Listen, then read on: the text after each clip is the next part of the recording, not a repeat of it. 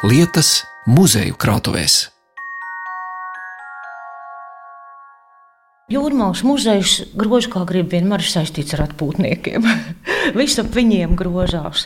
Vai tie būtu dokumenti, vai tās būtu fotografijas, afišas, mākslas darbi, tāpat jā, ir lielā mērā saistīti bijuši ar to, ka tas ir kurorts un šeit ir braukuši cilvēki atpūsties, arī izklaidēties un baudīt kultūru. Kultūras baudīšanai būs stāsts par pirmo latviešu mūzikas koncertu Horna dārzā Majoros.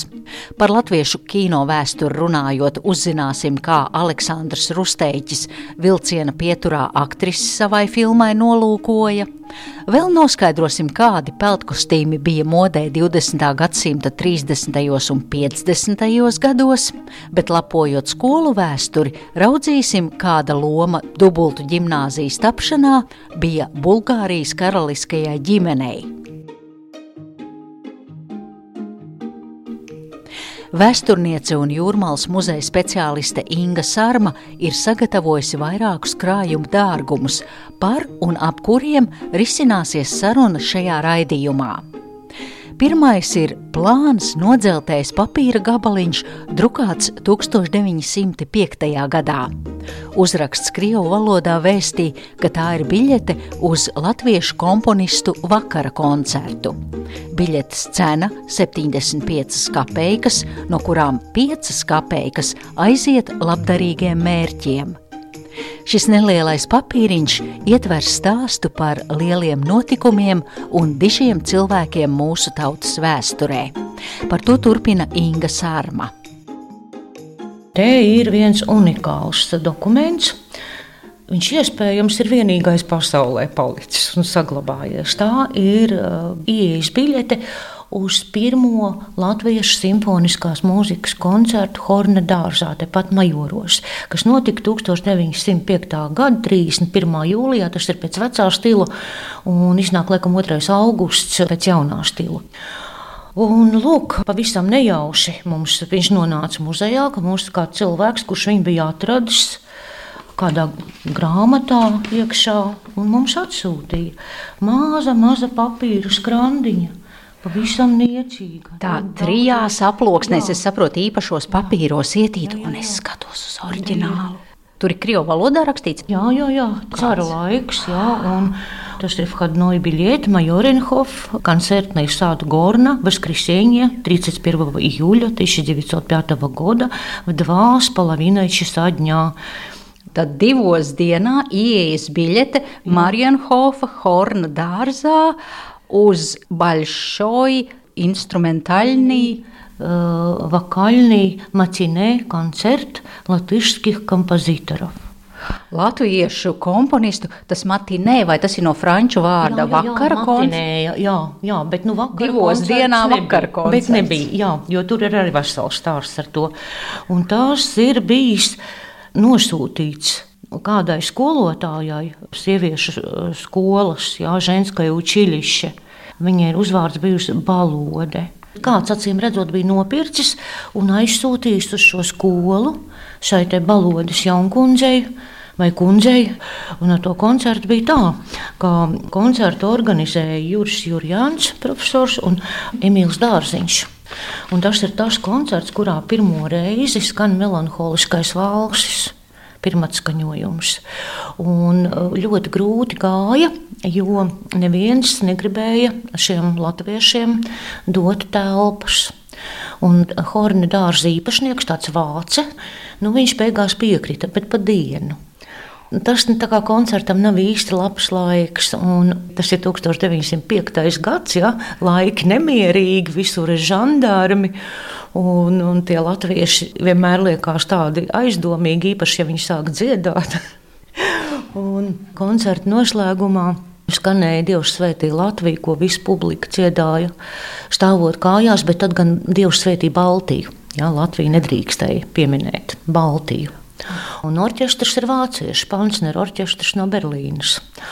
Un viens ģenerālis, kas sēž pirmajā rindā, no tā visa apkārtējās atmosfēras saviņojuma pieceļās kājās un salutē. Un tad laikam attopās, ka īsti nav pareizi un pieprasa, lai orķestris spēlē Krievijas impērijas himnu Božecaļahraņī. Bet eh, šie mūziķi ir no Vācijas, un viņi neprot no galvas, un noši viņiem nav. Nu, tā arī nenospēlēja. Bet toties skanēja melanholiskais valsis, un, un cilvēku bija tik daudz, ka tad, kad mūziķi devās uz uh, koncertu dārzu, viņi bija ļoti pārbijušies. Viņi domāja, ka nebūs cilvēku. Jo tajā laikā jau nav tādu plašsaziņas līdzekļu, jā, nav interneta un, un, un telefona arī nebija daudz, kur tajā laikā. Nu, tad uh, viņi bija ļoti pārsteigti, ka viņi ieraudzīja, ka cilvēki bija pat no Latvijas atbraukuši.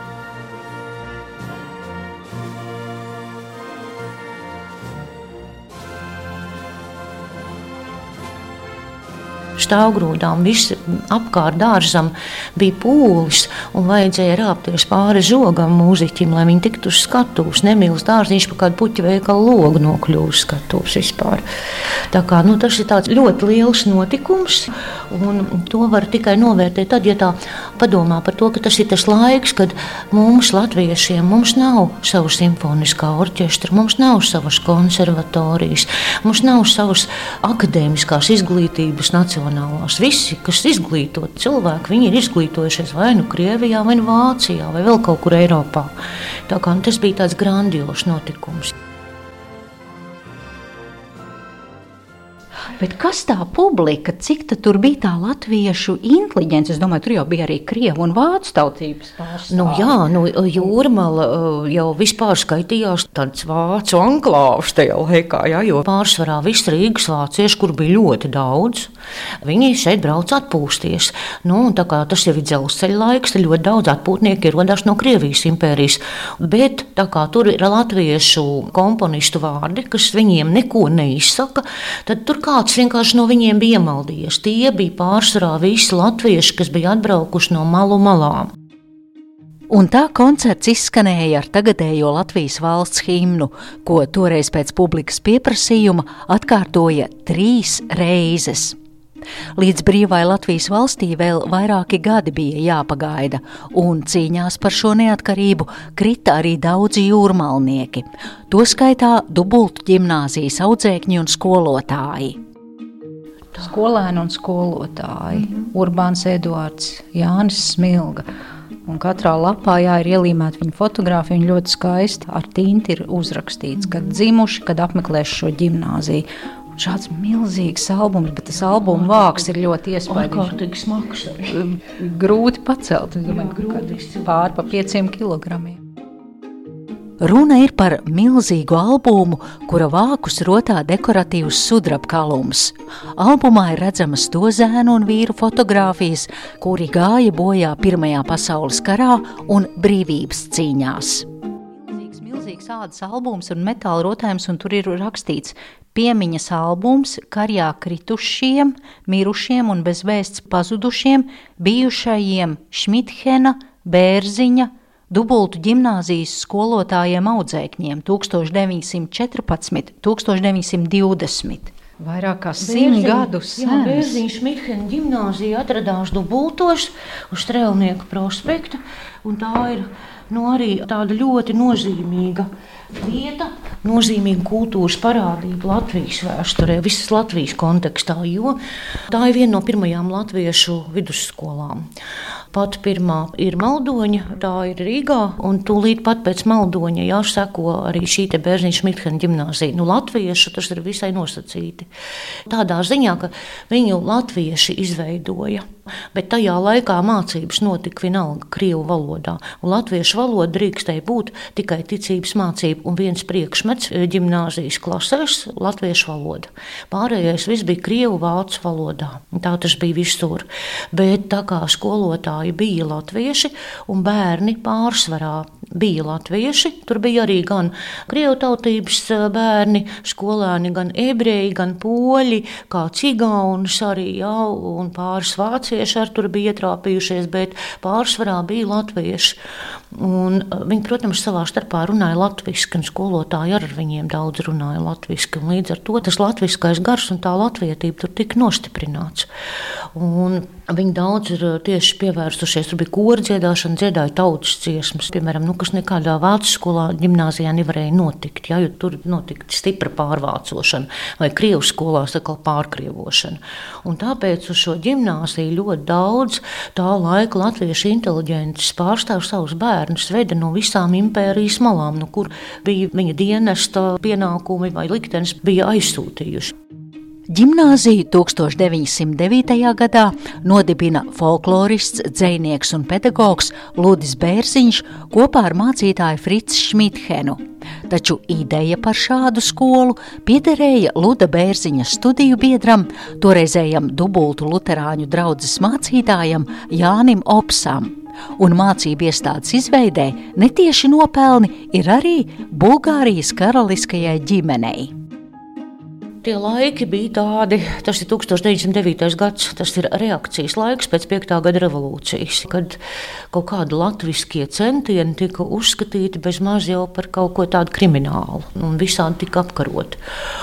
Un Ops pārliecināja dubultu iedzīvotājus vispirms, ka ir nepieciešama savu vidusskolu. Viņš teica, bērni brauc ar vilcienu uz Rīgu un saskatās tur visādas lietas, un tie iespaidi ir ļoti ļauni. Tāpēc ir vajadzīgi vajag savu skolu dubultos. Nu, tas, es domāju, viņš bija liels diplomāts. Viņš tā apelēja pie sirdsapziņas, ja savu draugu savju. Un tad bija tā, ka izveidoja fondu, kur sameta naudu, savāca kolekti, lai varētu vispār to lietu sākt. Ežens Laube tika uzaicināts projektēt ēku. Zemi ziedoja arī paši dubultu zemes īpašnieki.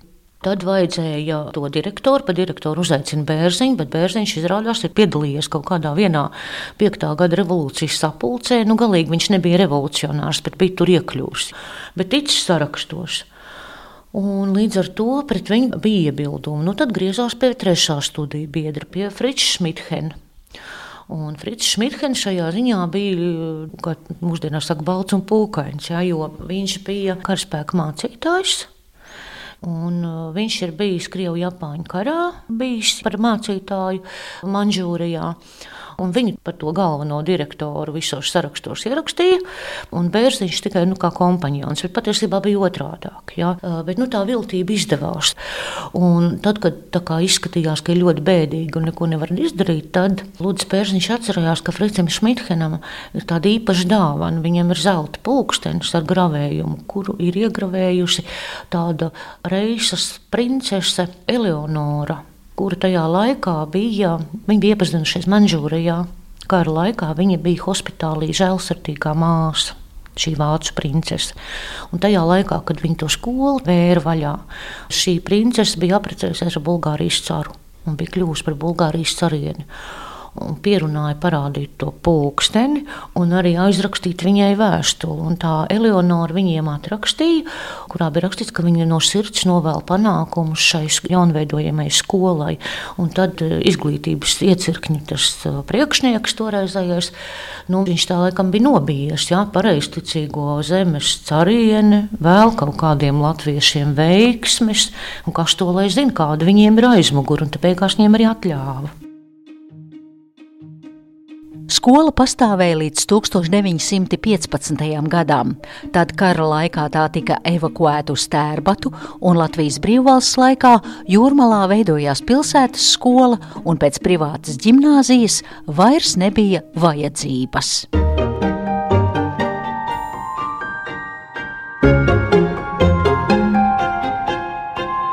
Vietu lietas.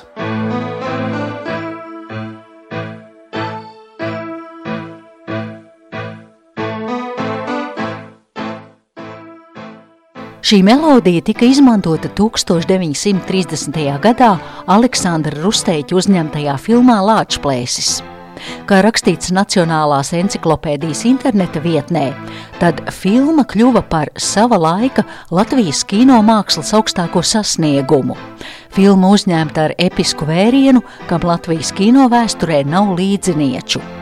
Presē tā tika nosaukta par Latvijas tapšanas filmu, kas parādīja tautas ceļu uz savu valsti, sākot no teiksmainas senatnes līdz Latvijas republikas proklamēšanai un neatkarības karam.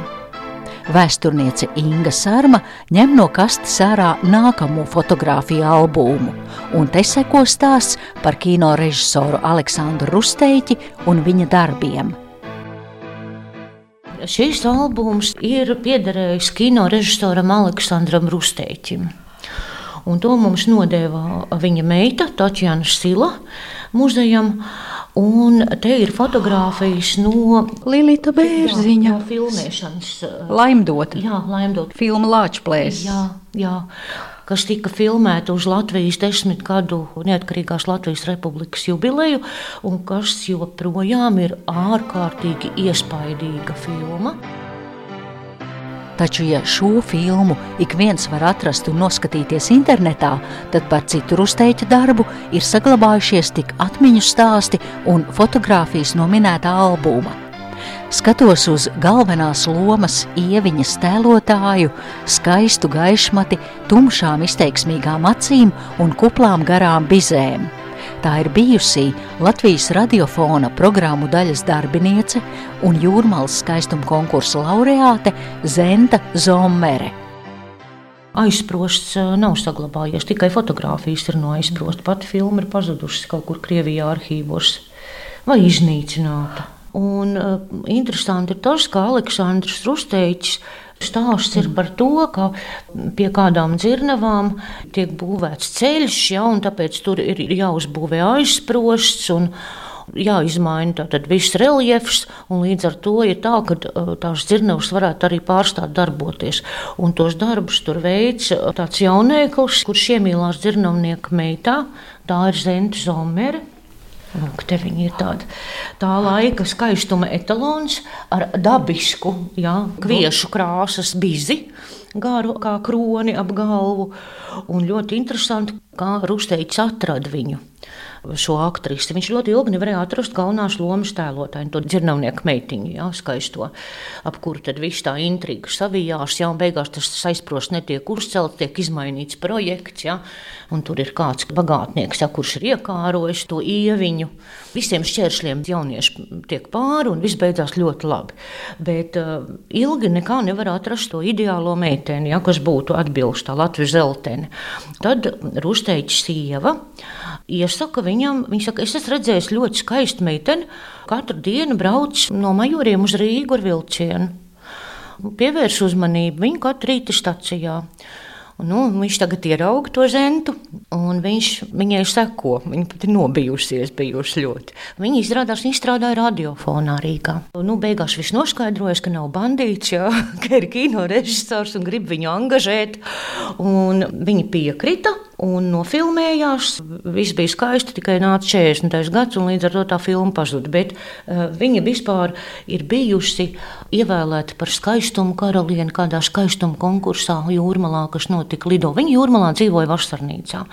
Un viņa 44. gadā devās bēgļu gaitās uz Zviedriju ar laivu. Viņa man pat man iznāca ar viņu satikties laimīgā kārtā, viņa man stāstīja tā.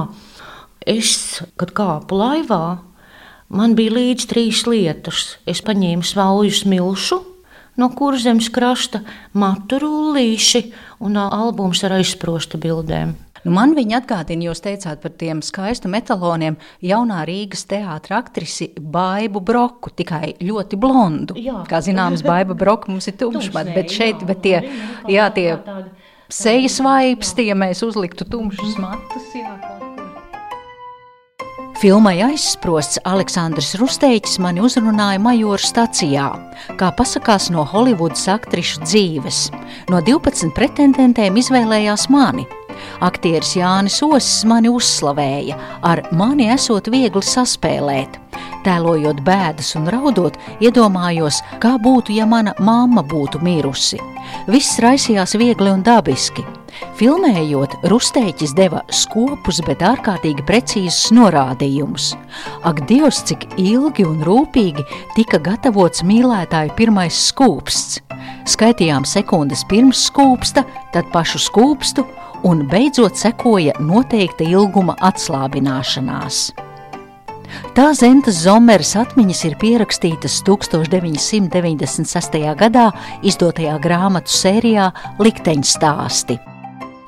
Bet mēs turpinām cilāt dārgumus no Jūrmālas muzeja, un nu ir pienācis laiks vasarīgas atpūtas mirkļiem pludmalē. Mūsu muzejs ir ievērojams arī ar to, ka mums ir vislielākā peldkostīmu kolekcija Baltijā. Protams, ka katrs tas peldkostīms ir ar savu stāstu un katrs ir ar savu likteni. Šis ir atrasts nejauši muzeja ekspedīcijas laikā Salas pagastā. Tas mums ir kaimiņos, Lielupē otrā krastā. Un tur ir tādas ratnieku mājas, no kurām, nu, var teikt, tā, ka mēs esam tajā ekspedīcijā ieguvuši laikam pusi no mūsu krājuma. Gan drīzāk, nu, mazliet pārspīlēja, protams. Un mūsu uzlaid bēniņos ar kolēģi. Un tur bija milzīga pūra lāde. Mēs atveram to lādi un sākam ņemt ārā. Vispirms tur mēs izvelkam lēli. Rotaļlietas ir ļoti liels retums, ja senās rotaļlietas. Un tad man kolēģi priekā iespiedzās, un viņi saka, peldu kostīms, un izvelk ārā. Nu, peldu kostīms ir tāda lieta, ko neviens neglabā izlaidumu klētu, kāzu klētu glabā. Ja? Bet kurš tad glabā peltu kostīmu? Tos parasti izsviež ārā, kad viņi novalkāti. Un šīs ir tāds tipisks art deko. 30. gadu melns ar zaļu apkantējumu un ar zaļiem tādiem kvadrātiņiem ar smukām tādām pagarām biksiņām. Kā saka, biksītes ar kātiņiem, vai kā šodien teiktu, boxeršorti. Jā. Tas ir viens, viendaļīgs peltkostīms. Bet, nu, vilnas trikotā. Izskatās, jā, pēc kaut kādas smalkas vilnas. Un... Jā, nu tā, tā, tāds materiāls toreiz bija ļoti peltkostīmiem izplatīts. Un, un ar podziņām te ir aizpogājams augšpusē pie pleciem. Jā, jā. ļoti labi saglabājies. Šur un tur ir kāda koda drusku pamaitājusi, bet nu visā visumā priekš tā, kā viņš tur bija tajā lādē aizmirsts, jo radnieku uh, ģimenei viņiem bija rādi jūrmalā, piederējis ir tādai Feizakas jaunkundzei. Feizaka ir melžos ļoti slavena sene zvejnieku dzimta, viņa bija māsīca. Viņa bija kaut kad ciemojusies pie brālēna salas pagastā un laikam paņēmusi vai tur pašsauļoties vai lielupē papeldēties un aizmirsusi. Un tā viņš tur bija palicis tajā lādē. Es diezinu, vai jūs esat izmēģinājuši, kā tas ir uzvilkt un tā kā ir slapjš tas vilnas peltkus? Nu, nē, esam nedrīkstam Nedrīk, mēs to darīt. Es domāju, tā sajūta, kāda ir bijusi tāda slapja, nu labi, nu, tā vilniņa. Tā būtu patīkama, nevarētu būt. Bet tas ir pirkts veikalā, vai tas ir darināts, kad šuvēja ir šūs? Domāju, ka tas ir tomēr šūts, jo viņam tā nu, tāds, jā, stipri tie tās vīlītes ir tādas, nu, tā kā var redzēt, ka ir, tas ir amatieru darbs, jā, kaut kāds, ka tas nav rūpniecisks. Pašgatavots 30. gadu peltkustības. Jā, jā, šis arī paš, pašgatavots. Šis ir 50. gadu. Tad, kad mēs 2008. gadā atklājām jauno ekspozīciju, tad arī rādio, Latvijas rādio stāstīja par to, kā mēs meklējam peldkostīmus un cik mēs esam priecīgi par katru jaunu dāvinājumu. Un tūlīt pat pēc tā raidījuma mums piezvanīja viena kundze no Jēlgavas. Viņa teica, ziniet, man ir tāds viens paštaisīts 50. gadu peldkostīms koši rozā, tāds atlasa, un viņš ir viss caur nošūts ar smalkām gumītiņām, panākot tādu burbulīšu efektu. Nu, vienīgi tās gumītiņas ir ļoti iztaipījušās. Viņš, protams, nebija tik milzīgs. Jā, tas, ir, tas ir efekts, iznācis eh, negribot. Jā, mums arī viņš bija uz manekeni ilgi uzvilkts, un tas peldkostīmam nav nācis par labu. Un viņš ir ļoti efektīvs un tāds, nu, var iedomāties, ka tāda nosauļojusies dāma, tādā burbuļainā rozā atsevišķais. Jā, jā biksīts un krūšturs un, un viss tāds. Burbuļains biksīts. Kruzuļu burbuļu. Jā, ļoti apgrozīt. Bet un pašdarīt turpinās. Un to laiku jau arī peldkostīms 50. gados. Ļoti gadu. daudz šuva. Ja paskatās žurnālus, ja tā laika sieviete, tad tur ir ļoti daudz piegriešņus un ir modeļi. Nu, tad ir skaidrs, ka sievietes pašas ir šuvušas tos peldkostīmus. Tā par modes, mākslas un izglītības pērlēm muzeja krājumā stāstīja vēsturniece un jūrmālas muzeja speciāliste Inga Sārma. Paldies par palīdzību raidījuma tapšanā, saku muzeja galvenajai krājuma glabātājai Inesei Helvigai. Raidījumu veidoja Zane Lāce Paltalksne. Vietu lietas.